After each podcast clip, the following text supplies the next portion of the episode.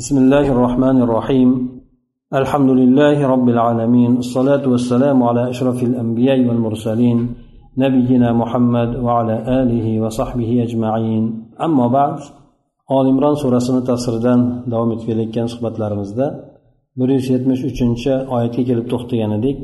Bundan oldingi oyatlarda ham alloh taolo uhud jangida bo'lgan voqealar haqida bahs qilib o'sha uhud jangidagi mag'lubiyatdan keyin bir qancha mo'minlarga o'gitlar tavsiyalar berdiki albatta biron bir voqea bo'ladigan bo'lsa uni ortidan judayam ko'plab foydali bo'lgan narsalarni alloh taolo bayon qiladi.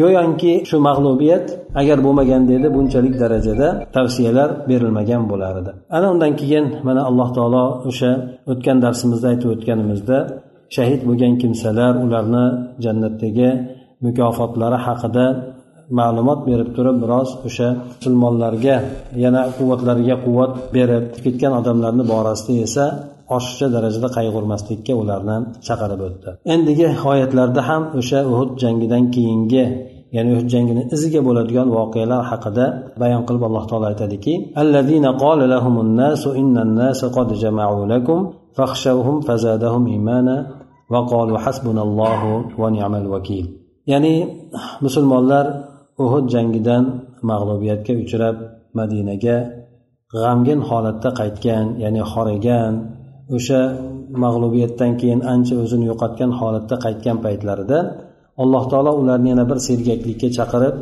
o'sha jangdan mag'lub bo'lib qaytgan kimsalarni mushriklar tomoniga qarab yurishlikka ularni buyruq beradi. Mushriklar esa o'tgan safarda aytib o'tganidek madinadan sal uzoqroqda bo'lgan joyda yana o'sha urushni holatlarini bir birlari bilan gapirgan holatda bir birlarini malomat qilib o'sha joydan shu yerga keldikku bizni maqsadimizni amalga oshirmasdan ketamizmi? Ya'ni muhammadni sallallohu alayhi vasallamni o'ldirmagan bo'lsak musulmonlarni yo'q qilmagan bo'lsak hech qanaqangi bir narsaga erishmabmiz unda deb o'sha joydan madinaga qaytishlikka bir azmu qaror qilib turishgan paytda alloh taolo ularni qalbiga qo'rquv beradida shu bilan ular o'sha joydan madinaga borishlikka jur'at etmasdan qaytib ketishadi. Bu yerda musulmonlarga o'sha narsani xabari kelgandan keyin payg'ambar alayhisalom vahiy orqali bilgandan keyin ham o'sha mushriklar tomoniga sahobalardan bir qanchasini olib ba'zi rivoyatlarda yetmishtasi deb aytadi o'sha uhud jangida qaytgan sahobalarni ya'ni jarohatlari bilan qiynalib charchab horigan holatda turgan sahobalarni o'sha joyga borishlik borishlikka payg'ambar alayhissalom buyruq beradi. Shundan yetmishga yaqin sahobiy payg'ambar alayhissalom bilan birgalikda ularni orqasidan quvib borishadi. Alloh taolo esa aytganimizdek ularni qalbiga qo'rquv berib mushuklarni qalbiga qo'rquv berib u yerdan ketkizib yuboradi hamda musulmonlar o'sha alloh taoloni fazli marhamati bilan sog' salomat qaytib kelishadi. Shu oyatlar shu voqea haqida quyidagi oyatlarda alloh taolo bayon qilib o'tadi. Ya'ni ba'zi odamlar aytdiki deb aytadi. Ya'ni musulmonlarga aytdiki odamlar sizlarga jamlanib turibdikan. Madinani tashqarisida madinaga bostirib kelamiz deb ha ya'ni bostirib kelib o'sha yerdagi musulmonlarni yo'q qilib tashlaymiz deb jamlanib turibdikan ulardan qo'rqinglar deb ba'zi odamlar o'sha musulmonlarga qarata quyidagi gaplarni aytib o'tdi. Albatta mushriklarni yoki bo'lmasa kofirlarni odatlaridan qo'rquv berishlikka harakat qilishlik musulmonlarni qalbiga. Ya'ni o'zlarini kuchi judayam ko'p katta ekanligini ko'rsatishlik bilan yoki bo'lmasa har xil ommaviy axborot vositalari orqali o'zlari ba'zi qilayotgan narsalarni bo'rttirishlik bilan musulmonlarni qalblariga qo'rquv solishlikka harakat qilishadi.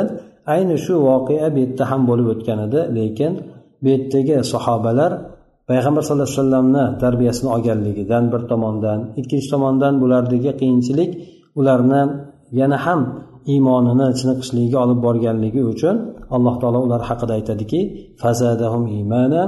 Ular mana shunday xabarlarni eshitishiga qaramasdan yana ham iymonda ziyoda bo'ldilar. Alloh taologa bo'lgan ishonchlari yana ham kuchaydi va aytishdiki alloh taolo bizga o'zi yetarlidir qandayyam u zot yaxshi suyaniladigan zotdir deb aytib o'tishdi deb oyatda aytib o'tadi. Mufassir esa bu oyatlarni tafsirida aytib o'tadiki أي قال لهم بعض المرجفين من أنصار المشركين لإدخال الرعب في أنفسهم إن قريشا قد جمعت لكم الجموع فخافوا على أنفسكم ولا تخرجوا لقتال لقتالهم فما زادهم هذا التخويف إلا إيمانا بالله وثقة بنصره تعالى وقالوا كافينا الله رب العالمين ba'zi o'sha mushuklarni yordamchilaridan bo'lib odamlarni sarosimaga soluvchi bo'lgan kimsalar munofiqlar deb aytsak ham bo'ladi. Bular o'sha musulmonlarni qalbiga qo'rquv kiritishlik uchun aytishdiki quraysh sizlarga katta bir yig'in bilan jamlanib turibdikan. Ha ya'ni bostirib kelaman deyaptikan. Ha qo'rqinglar endi ularga qarshi jangga chiqmanglar deb turib musulmonlar vahiy orqali o'sha jang o'sha joyda jamlanib turganligini bilganligidan chiqishga harakat qilayotgan paytida mana shunday gaplarni ularga aytishi musulmonlarni qalbida qo'rquvni yoki bo'lmasa ularni qalbida zaiflikni kiritishlikka harakat qilishadi. Bu qo'rquv esa musulmonlar agar allohga tavakkuli qattiqroq bo'ladigan bo'lsa bu narsa ularga unchalik ta'sir etmaydi balki bu qo'rquv ularni yanada ham alloh taologa bo'lgan iymonini hamda alloh taoloni beradigan g'alabasiga bo'lgan ishonchini ziyoda qilib yubordi. Bular anglab yetishdiki birinchi badr jangida g'alaba musulmonlarni qo'lida bo'ldi. Ikkinchi jangda esa mag'lubiyat bo'ldi. Bu narsani sababini anglab yetishdi o'zlari bo'lgan edi.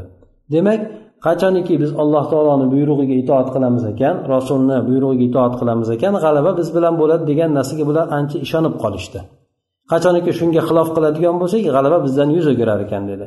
Demak payg'ambar sallallohu alayhi vasallam ularni o'sha juda ham horib turgan juda ham charchab turgan jarohatlar bilan turgan paytida ularni jangga chiqishlikka chaqirgan paytida ular labbey deb itoat qilishdi. Ularni keyin kimdir to'xtatmoqchi bo'lgan paytida o'zi aslida ular qiyin holatdan o'zini yengib chiqqandan keyin kimdir to'xtatmoqchi bo'lgan paytida bu narsa yengishlik ularga osonroq bo'ldi.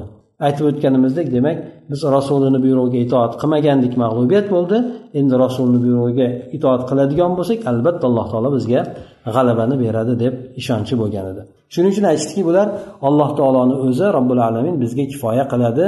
Qandayyam alloh taolo yaxshi yordam beruvchi iltijo qilinadigan zotdir deb aytib o'tishdi. Ya'ni kim tavakkul qiladigan bo'lsa alloh taologa yordam beradi degan mazmunda aytib o'tishdi. Bu yerda demak mana bu kalima mashhur kalima. Hasbunalloh va ni'mal vakil kalimasi. Mashhur kalima bu ibrohim alayhissalom o'tga tashlanayotgan paytda oxirgi lahzasida aytgan kalimadir. Hasbunalloh va ni'mal vakil hasbiyalloh va ni'mal vakil deb aytganligi ya'ni alloh taolo menga kifoya qiladi. Alloh taolo yaxshi suyaniladigan zot ya'ni faqat ollohni o'ziga suyanaman. Alloh taolo o'ziga o'zi menga boshqa narsalardan hammasidan yetarli bo'ladi deb aytgan paytida o't u kishini yondirmadi. shu yerda ham payg'ambar sallallohu alayhi vasallam ayni shu kalimani mana shu mushuklar qo'rqitgan paytda aytdilar hasbunallohu va nimal vakil deb alloh taolo ularni qalbiga xotirjamlikni berdi. Dushmanni qalbiga esa qo'rquvni berdi.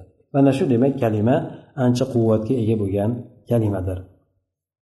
فانقلبوا بنعمة من الله وفضل لم يمسسهم سوء واتبعوا رضوان الله والله ذو فضل عظيم ular musulmonlar borishdi borgan paytida mushriklar u joyni tashlab ketishib bo'lgan edi. Bular alloh taoloni ne'mati fazli bilan qaytib kelishdi. Ularga hech qanaqangi yomonlik tekkani yo'q ya'ni jang bo'lgani yo'q. Bu yerda ular hech qanaqangi bir oshiqcha musibat ham totgani yo'q. Lekin alloh taoloni roziligiga erishdiki sababi bular o'sha qiyin holatida alloh taolo ularni sinagan edi. Alloh taoloni buyrug'iga labbay deb bular ijobat qilishdi. Alloh taolo buyuk fazl egasidir deb aytib o'tadi. Demak insonlarni qiyinchilik bo'lgan holat ularni kim ekanligini aniqlab beradi. Ha mana aytaylik munofiqlar sinovlarga dosh berolmadi. Orqaga qaytib ketishdi. Sinovlarga dosh berganlar o'sha musulmonlar haqiqiy sabr qiluvchi bo'lgan musulmonlar bo'ldi. Ana o'shalarni alloh taolo safni ajratib olgandan keyin nusratini ana o'shalarni qo'liga berdi. Yana undan tashqari musulmonlarni orasida bo'ladigan imtihon sinovlar demak musulmonlarni yana ham iymonini quvvatli bo'lishligiga sabab bo'lar ekan. Shuning uchun bilish kerakki inson alloh taolo beradigan qiyinchilik ustiga bo'ladigan qiyinchilik alloh taolo ularni iymonini ziyoda qilishlik uchun yoki allohga bo'lgan ishonchini ziyoda qilishlik uchun berar ekan. Bu oyatdan ayni shu narsani tushunsak bo'ladi. Ana shunday qiyinchilik bo'lib turgan paytda insonlarni sinagan paytida kamdan kam odam bu narsaga ijobat qiladi. Bu narsa esa u odam uchun juda ham katta allohni fazli marhamati bo'ladi. Mufassir ham aytib o'tadiki bu yerda ya'ni ular salomatlik ne'matidan sog' salomat qaytishdi. Yana fazl savoblarni karomat ulug'liklarni fazli bilan qaytishdi ortiqcha darajada savoblar bilan qaytishdi. Bularga hech qanaqangi ozor ham ular yoqtirmaydigan narsalar ham yetmadi ularga. Albatta endi bu yerda urush bo'lmaganligi uchun. Chunki alloh taolo mushuklarni qalblariga qo'rquvni solib qo'ygan edi. mujohidlar esa alloh taoloni roziligiga erishishdi. Bu narsa alloh taoloni roziligi esa dunyo oxiratdagi baxt saodat manbaidir yoki yo'lidir alloh taolo bandalariga judayam katta fazli marhamat ko'rsatuvchi zotdir deb aytib o'tadi. إنما ذلكم الشيطان يخوف أولياءه فلا تخافوهم وخافوني إن كنتم مؤمنين من أبو shayton ya'ni do'stlari bilan sizlarni qo'rqitadi. Do'stlari bilan qo'rqitadi ya'ni Э, bu yerda mufassir ham aytib o'tadi. Shayton kimligidan iroda qilingan narsani. Ya'ni sizlar ulardan qo'rqmanglar mendan qo'rqinglar deb alloh taolo aytadi. Agar mo'min bo'ladigan bo'lsanglar meni quvvatimga qudratimga iymon keltiradigan bo'lsanglar mendan qo'rqinglar. Shayton faqatgina qo'rqitishni biladi o'zi asli haqiqati yo'q u narsani. Ha yo'q bo'ladigan narsalar bilan sizlarni qo'rqitadi. Shuning uchun mufassir ham aytyaptiki bu yerda ey mo'minlar sizlar dushmaninglardan haybatlanib yotmanglar. Haybat degani inson qalbida qo'rquv paydo bo'lishligi. Ha? Haybatlanib yotmanglar. Ya'ni yuragi dov bermasdan qolishligi shunday bo'lmasin sizlarda. Shayton sizlarni o'zini mushuklardan iborat yordamchilari ko'makchilari bilan sizlarni qo'rqitadi. Sizlar ulardan qo'rqmanglar ulardan cho'chimanglar. Albatta men sizlarga agar meni buyrug'imga itoat qiladigan bo'lsalaringiz sizlarga ularga qarshi g'alabani kafolatini beraman men deb go'yoki alloh taolo bu yerda aytib o'tyapti. Bu yerdagi shayton bilan murod bu naim al ashjai degan odam bu kishini abu sufyon u musulmonlarni qat'iyatlarini burishlik uchun yuborgan edi. Demak musulmonlar o'sha joyda qat'iyat bilan ular bilan jang qilishlikka chiqqan edi. Abu sufyon aytdiki u yerdan qaytarib yuborgin. Ha shunaqa qilib bo'lsa ham ularni nimasini qat'iyatini susaytirgin deb yuborgan edi. O'sha odamni qur'oni karimda demak shayton deb aytilyapti chunki shaytonni ishini qildi. Shaytonni ishi insonni yaxshilik yo'ldan qat'iyat yo'ldan burishligi shundan to'sishlikka harakat qilishligi edi. shuning shuning uchun shaytonga nisbat berildi. U shayton shu go'yoki uni vasvasasi bilan qiziqtirishligi bilan e, bu musulmonlarni qaytarishlikka harakat qilgan edi. ولا يحزنك الذين يسارعون في الكفر إنهم, إنهم لن يضروا الله شيئا ha o'shandek demak bu yerda innama zalikum shayton deganda ya'ni shaytonning ishi nima? Shaytonning ishi musulmonlarda yaxshilik yo'llardan to'sishlik. Agar u narsaga inson qat'iyat bog'lab qo'ygan bo'lsa niyat bog'lab qo'ygan bo'lsa vasvasa qilib u narsadan qaytarishlikka harakat qilishlik. Shuning uchun shaytonni agar e'tibor qiladigan bo'lsak uslublari judayam ko'p bo'ladi. Bir odam bir narsani sadaqa qilmoqchi bo'ladigan bo'lsa shayton keladi bir tomondan keladiki ha sen o'zing muhtojsan shunga deydi o'zingga olib qo'ygin deydi. Inson uni ham yengib turib yana ham bermoqchi bo'ladigan bo'lsa hozir bermagin deydi riyo bo'lib qoladi. Keyin berasan deb turib uni demak yana boshqa tomonga ya'ni u tomondan keladi u tomondan muvaffaqiyatga erishmasa boshqa tomondan keladi. Shunday qilib xullas kalom insonni qat'iyatini burishga demak ancha kuch sarflaydi. Mana shunday demak shayton musulmonlarni demak o'zini do'stlari bilan yordamchilari bilan qo'rqitadi. Ya'ni ulardan qo'rqmanglar mendan qo'rqinglar deb alloh taolo aytib o'tdi. Demak shayton sizlarni keltirib qalbinglarga qo'rquv solar ekan demak bu shaytonni qiladigan ishi lekin sizlar shaytondan emas agar mo'minman deb e, e, e, ishonadigan bo'lsanglar yoki mo'min deb aytadigan bo'lsanglar mendan qo'rqinglar deb alloh taolo aytadi. Demak alloh taoloni qudratini oldida hech qanaqangi qudrat yo'q. Shuning uchun aytadiki agar alloh taolo sizlarga yordam beradigan bo'lsa kim ham sizlardan g'olib bo'lolmaydi agar alloh taolo sizlarni yordamsiz tashlab qo'yadigan bo'lsa sizlarga kim ham yordam berolmaydi deb boshqa oyatda alloh taolo aytib o'tadi. Ana undan keyin payg'ambar sallallohu alayhi vasallam bu yerda munofiqlar uhud jangida uch yuzta odam qaytib ketdi. Undan keyin uhud jangidan qaytgan paytlarida ana shuncha gaplar bo'ldi. Bir tomondan urushni urush bo'lgan bo'lishini bilgan paytimizda albatta biz ham sizlar bilan borardik deb bir munofiqlik bir yuzi bilan keladigan bo'lsa ikkinchi tomondan bo'ladigan bo'lsa o'sha jangga chiqqan odamlar bizga xo'p deyishgan deydi o'lishmagan bo'lar edi. Bunaqa narsalar mag'lubiyat boshqa narsalar bo'lmagan bo'lardi deb shunaqa har xil gaplarni aytishdi. Mana shu narsalar payg'ambar alayhissalomni qayg'uga solib qo'ydi. Qayg'uga solib qo'ydi. Ya'ni bularni bunday ochiq suratda musulmonlarni ya'ni kufrga qarab ketishligi bularni payg'ambar alayhissalomni juda qayg'uga solib qo'yganda alloh taolo. Payg'ambar alayhissalomga tasalli berib aytdiki ya'ni kufrga shoshilayotgan o'shanga intilib ketayotgan odamlar sizni qayg'uga solib qo'ymasin. Ya'ni munofiqlarni turgan bitgani mana shu narsa. Albatta ular bunday qilayotgan ishlari bilan allohga biron narsada zarar berolmaydi. Olloh tadbir qilgan narsalarga hech qanaqangi bular halal berolmaydi deb aytib o'tdi. Mufassir aytadiki ey payg'ambar sallallohu alayhi vasallam bu munofiqlarni holati sizni qayg'uga solib qo'ymasin. Bular ya'ni kufrga bir biri bilan o'zib gaplari bilan bo'lsin qilayotgan ishlari bilan bo'lsin kufr tomoniga shoshib qoladigan munofiqlar holati sizni qayg'uga solib qo'ymasin. Siz ulardan sodir bo'layotgan bu islomu islom ahliga bo'layotgan hiylalarga e'tibor bermang. Albatta bular nari borgan taqdirda ham o'zi kofir bo'lib ketganligi bilan alloh taologa biron narsada zarar berisholmaydi balki bular o'zlariga o'zlari zarar beradilar deb aytib o'tadi. Demak payg'ambar paytida risolat vaqtida vahiylar kelib turgan paytida munofiqlarni holatiga inson qarar ekan juda ham ajablanadi. O'shanday bo'lib osmon bilan yer bog'lanib turgan paytida munofiqlarni ichidagi bo'lgan narsalarni bayon qilib berilayotgan paytida shunchalik jur'at bilan ish qilishyaptiki sharmanda bo'lib qolishligiga ham e'tibor bermasdan demak hozirgi bo'lgan paytlarda vahiy uzilgan bo'lgan paytlarda bularni bunday ish qilishliklari demak turgan e, aniq bo'lgan narsadir endi bularda. Demak keyin yana keyin e, bu yerda yana aytib o'tadiki e, o'sha munofiqlarni holati ya'ni undan keyingi oyatlarda ham aytib o'tadi. Demak sizlar munofiqlarni ya'ni inson sizlar odamlarni qalbini tekshirib bilolmaysizlar ularni munofiqligini faqatgina inson tashqi ko'rinishdagi bo'lgan amaldan bilishligi mumkin. Xolos qalbi esa payg'ambar sallallohu alayhi vasallam davrida tugab bo'ldi. Qalbi orqali bilishlik. Ha demak hozirgi bo'lgan paytda insonlarni qalbiga qarab sizlar hukm qilolmaysizlarda balki ularni qilayotgan ishlaridan munofiqligiga dalolat ekanligini bilishlaringiz mumkin deb aytib o'tadi.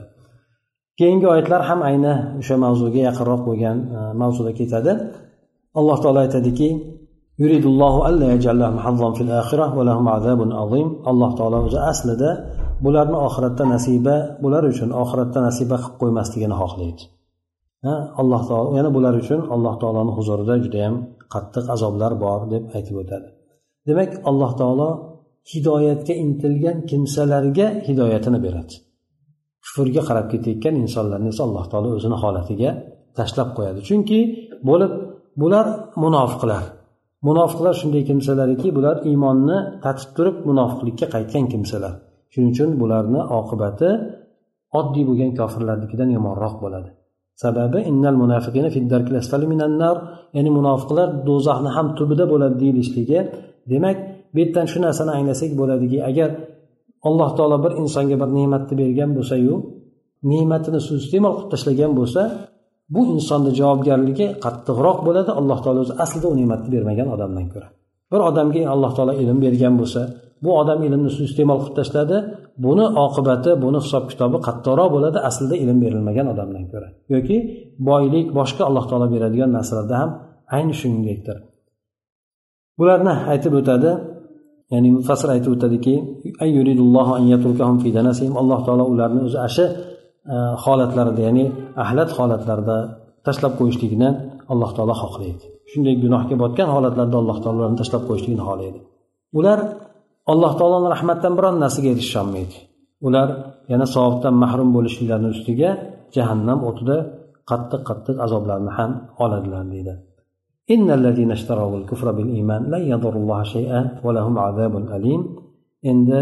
iymonni qo'yib turib kufrni sotib oladigan kimsalar ya'ni iymon keldi iymonni tatibda uni tashlab turib kufrga ketib qoladigan kimsalar alloh taologa biron narsada zarar berolmaydi. Shayan deb aytilishligi ya'ni nakra suratda keltirishligi hech bir narsada zarracha alloh taologa zarar berolmaydi.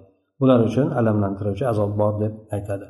Ya'ni mana bu munofiqlar iymonni sotib kufrni o'rniga olgan munofiqlar bu qilgan ishlari bilan alloh taologa biron narsada zarar berolmaydilar. Ya'ni alloh taologa zarar berolmaydi to'g'ri lekin musulmonlarga zarar berishligi mumkin musulmonlarga ozor berishligi mumkin. Lekin bular bu narsani allohga kufr keltirishlik bilan allohga dushmanlik qilmoqchi bo'ladilar lekin alloh taoloni qudrati oldida bular hech narsa qilolmaydilar bular uchun jahannam hovlisida alamlantiruvchi e, ya'ni azob bor deb aytib o'tadi.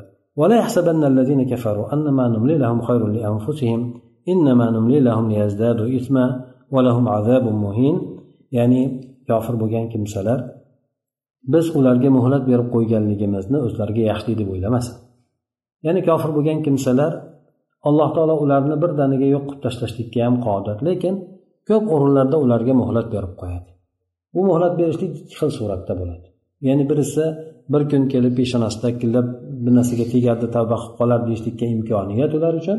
Ikkinchisi esa agar tavbaga qaytmaydigan odamlar bo'ladigan bo'lsa battarroq botqoqqa botishligi ko'proq gunohlarga bosib turib jahannamni ham o'sha tushishligi bo'ladi.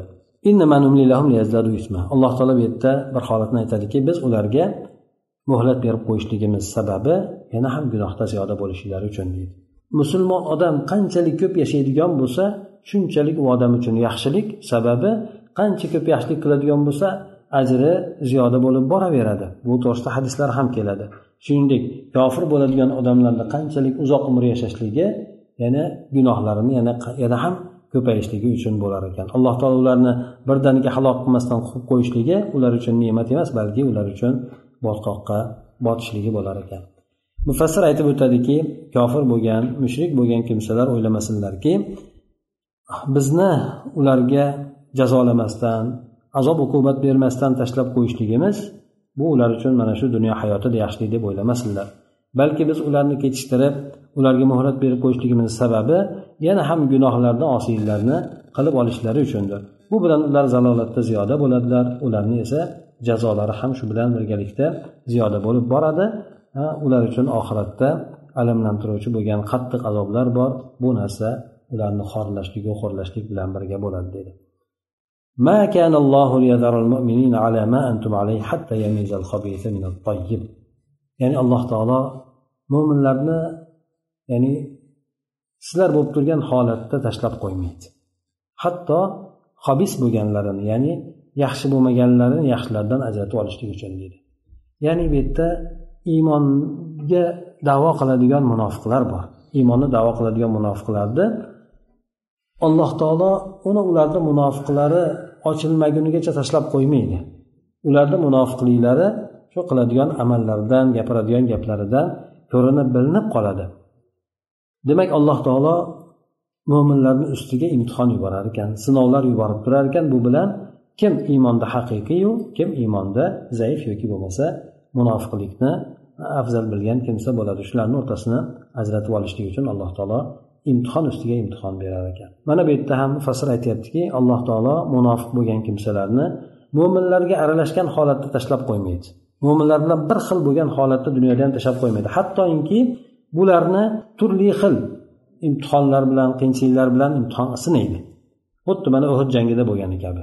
Shu bilan alloh taolo qaysi bir sabrli mo'minu qaysi biri fojir bo'lgan munofiq qaysi biri ya'ni shuni o'rtasini ajratib oladi va yana iymon hamda sidiq rostgo'ylik bo'lgan ahllari ham oshkor bo'ladi munofiq bo'lgan yolg'onchi bo'lgan kimsalar ham ko'rinib qoladi.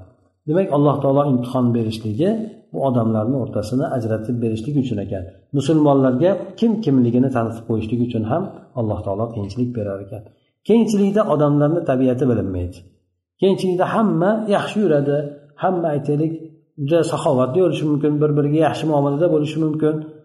Musulmonlarda bo'lsin kofirlarda bo'lsin.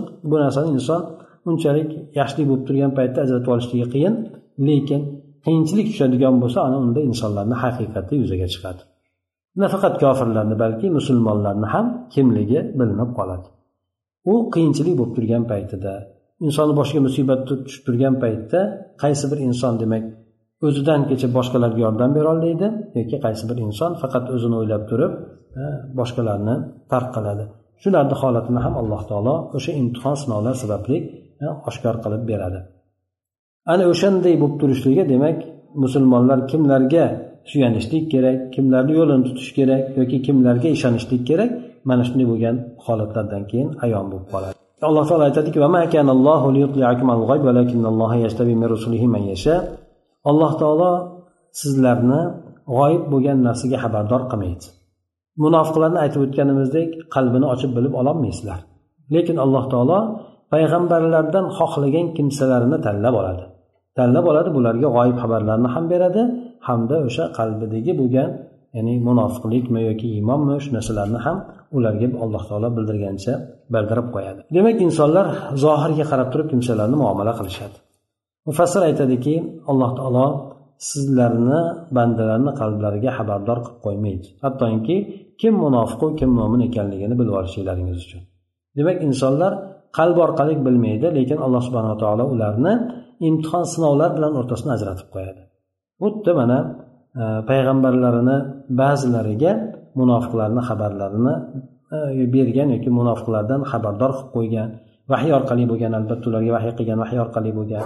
Yoki bo'lmasa alloh taolo mo'minlarga o'sha e, payg'ambarlarga ba'zi g'oyib xabarlarni ham xabarni berib qo'ygan. Mana payg'ambar alayhissalom bulardan o'sha munofiqlarni holatlaridan xabardor bo'lgani kabi. Kimlar munofiq bo'lganligi ha ya'ni hattoki alloh taolo aytib o'tadiki siz munofiq bo'lgan kimsalarni ba'zisini bilasiz ba'zisini bilmaysiz deb aytib o'tadi tavba surasida. Munofiqlarni hammasini ham payg'ambar alayhisalom bilmagan. Lekin bilganlarini aytganda ham huzayfaga aytgan. Huzayfa esa hech kimga aytmasdan o'tib ketgan. Sababi demak jamiyatda nimani ko'tarmaslik? Munofiqlar ozchilik bo'lmagan payg'ambar alayhisalom davrida. Ko'pchilik bo'lgan. Demak ularni ko'proq musulmonlar amallaridan ko'rinishlaridan bilgan. Shuning uchun abdulloh masud roziyallohu anhuni gapi bor. Jamoat namozidan munofiqligi aniq bo'lgan odamlargina qolardi deydi. Demak ularni alomatlari bo'lgan. Shu alomatlar orqali kim kimligini bilishib olgan. Endi hozirgi bo'lgan paytda aralashib ketib qoldi lekin u paytlarda iymoni bo'lgan odam kim masjidga borgan? Uzr bo'lmasanglar borgan shuning uchun uzrsiz odamlarni o'sha kunduzda borib kechasida qoladiganlar asosan munofiqlar bo'lgan. Shuning uchun bu kishi bu gaplarni aytib o'tib ketgan. Sizlar demak allohga va rasuliga iymon keltiringlar. Agar alloh va rasuliga iymon keltirsanglar taqvo qilsanglar o'sha olloh buyrug'iga itoat qilib o'shanda bardavom turadigan bo'lsanglar sizlar uchun buyuk ajr bor. Munofiqlikdan xalos bo'lasizlar. Birinchisi alloh va rasuliga iymon keltirib o'shalarga itoat qilinglar. Shunda aytib o'tganimizdek munofiqlar nimaga munofiq bo'lib ketdi? Ketayotgan paytida rasulni rasululloh sollallohu alayhi vasallamni buyrug'idan burilib ketishdi.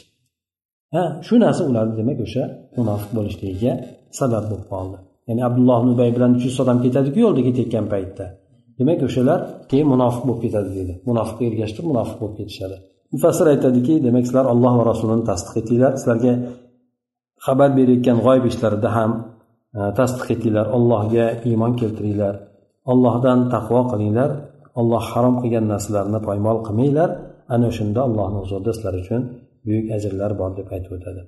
ولا يحسبن الذين يبخلون بما آتاهم الله من فضله هو خيرا لهم بل هو شر لهم سيطوقون ما بخلوا به يوم القيامة أنا undan keyin yana alloh taolo mo'min jamoasiga xitob qilib aytadiki alloh taolo fazli marhamatidan bergan kimsalar e, alloh fazli marhamatini ko'rsatgandan keyin baxillik qiladigan kimsalar bu baxillik qilayotganlari o'zlari uchun yaxshilik ekanligini o'ylamasinlar ya'ni yaxshilik bo'ladi deb o'ylamasinlar ya'ni qanchalik boy bo'ladigan bo'lsa bermasdan shunchalik baxillik qilib qolishligi bu mablag'im menga foyda qiladi degan narsa bilan o'ylamasinlar bularga uni baxillik qilib qolishligi ular uchun yomonlikdir deb aytib o'tadi. Mufassir aytadiki bu yerda zakot mollarni zakotini bermaydigan shu bilan birgalikda alloh taolo Э, ularga bergan fazli marhamatidan infoq qilishlikda baxillik qiladigan boy bo'lgan kimsalar bu baxilliklar ular uchun manfaat deb o'ylamasin foyda keltiradi deb o'ylamasin balki bu narsa ularga dunyolarda ham oxiratlarida ham zarar keltiradi. Zarari qanaqa bo'ladi? O'sha baxillik qilgan narsalar qiyomat kunida ularni bo'yinlariga chambarak qilib bog'lab qo'yiladi. Bo'yinlariga demak chambarak qilib bog'lab qo'yiladi. Demak e, baribir baxillik qilgan taqdirda ham qancha topadigan bo'lsa ham buni hammasini alloh taologa meros qilib qoldiradi. Ya'ni dunyodan o'tib ketadi qolgan narsasi qolib ketadi. Alloh taolo sizlarni qilayotgan ishinglardan xabardor demak alloh taoloni huzurida qilib o'tgan narsalarga javob beradi. Mufassir aytadiki alloh taolo yaqinda ya'ni yuqoridagi bo'lgan oyatda ham alloh taolo ularni baxillik qilayotganligini bo'yn qiyomat kunida bo'ynlariga chambarak qilib qo'yadi va ular osib oladigan bo'ynlariga munchoq qilib qo'yadi.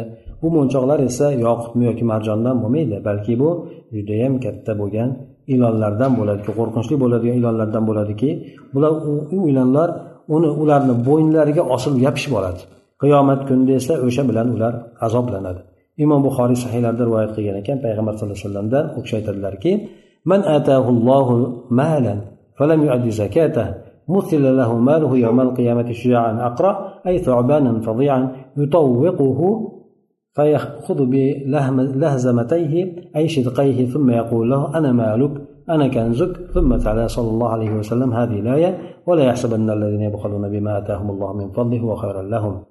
وختم الله هذه الآية بقوله ولله ميراث السماوات والأرض والله بما تعملون خبير demak imom buxoriy o'zlarini sahiylarida payg'ambar sallallohu alayhi vasallamdan rivoyat qilgan ekanlar. U zot aytgan ekanlarki qaysi bir kimsaga alloh taolo mol dunyo bergan bo'lsayu lekin uni zakotini ado etmaydigan bo'lsa o'sha mol zakotni ado etmagan moli ya'ni zakotini bermagan moli qiyomat kunida u odamga juda ham yaltiroq bosh yaltiroq bosh bo'lgan qo'rqinchli bir ilon suratida shakllanadi.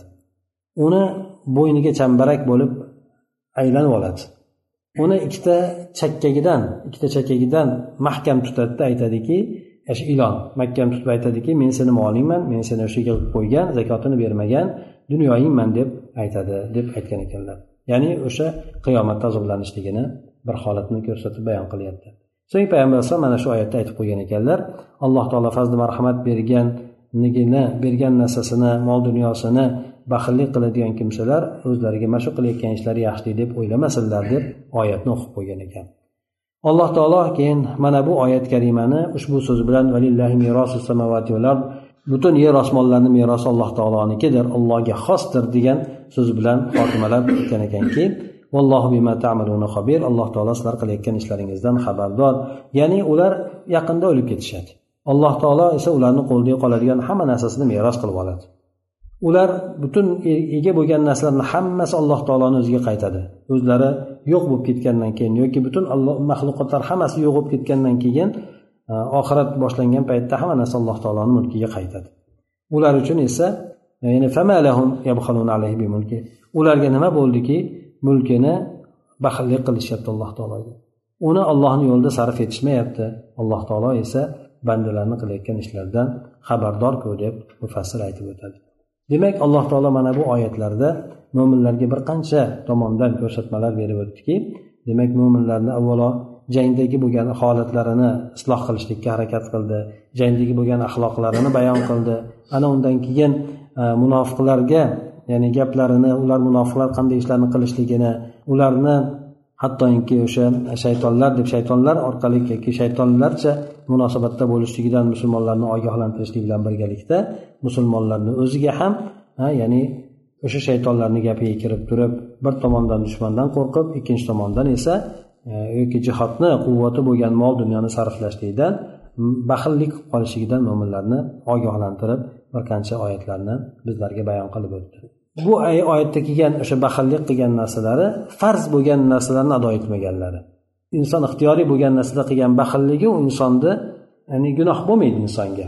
Lekin farz qilishi kerak bo'lgan narsalarda baxillik qiladigan bo'lsa bu narsalarda gunohi og'ir bo'ladi yuqoridagi bo'lgan yuqoridagidaqa bo'lgan azoblar insonga bo'lishligi mumkin ekan. Mana shu demak oyatlarni qisqacha mazmunlari سبحانك اللهم وبحمدك نشهد أن لا إله إلا أنت نستغفرك ونتوب إليك. اللهم انفعنا بما علمتنا وعلمنا ما ينفعنا وزدنا علما.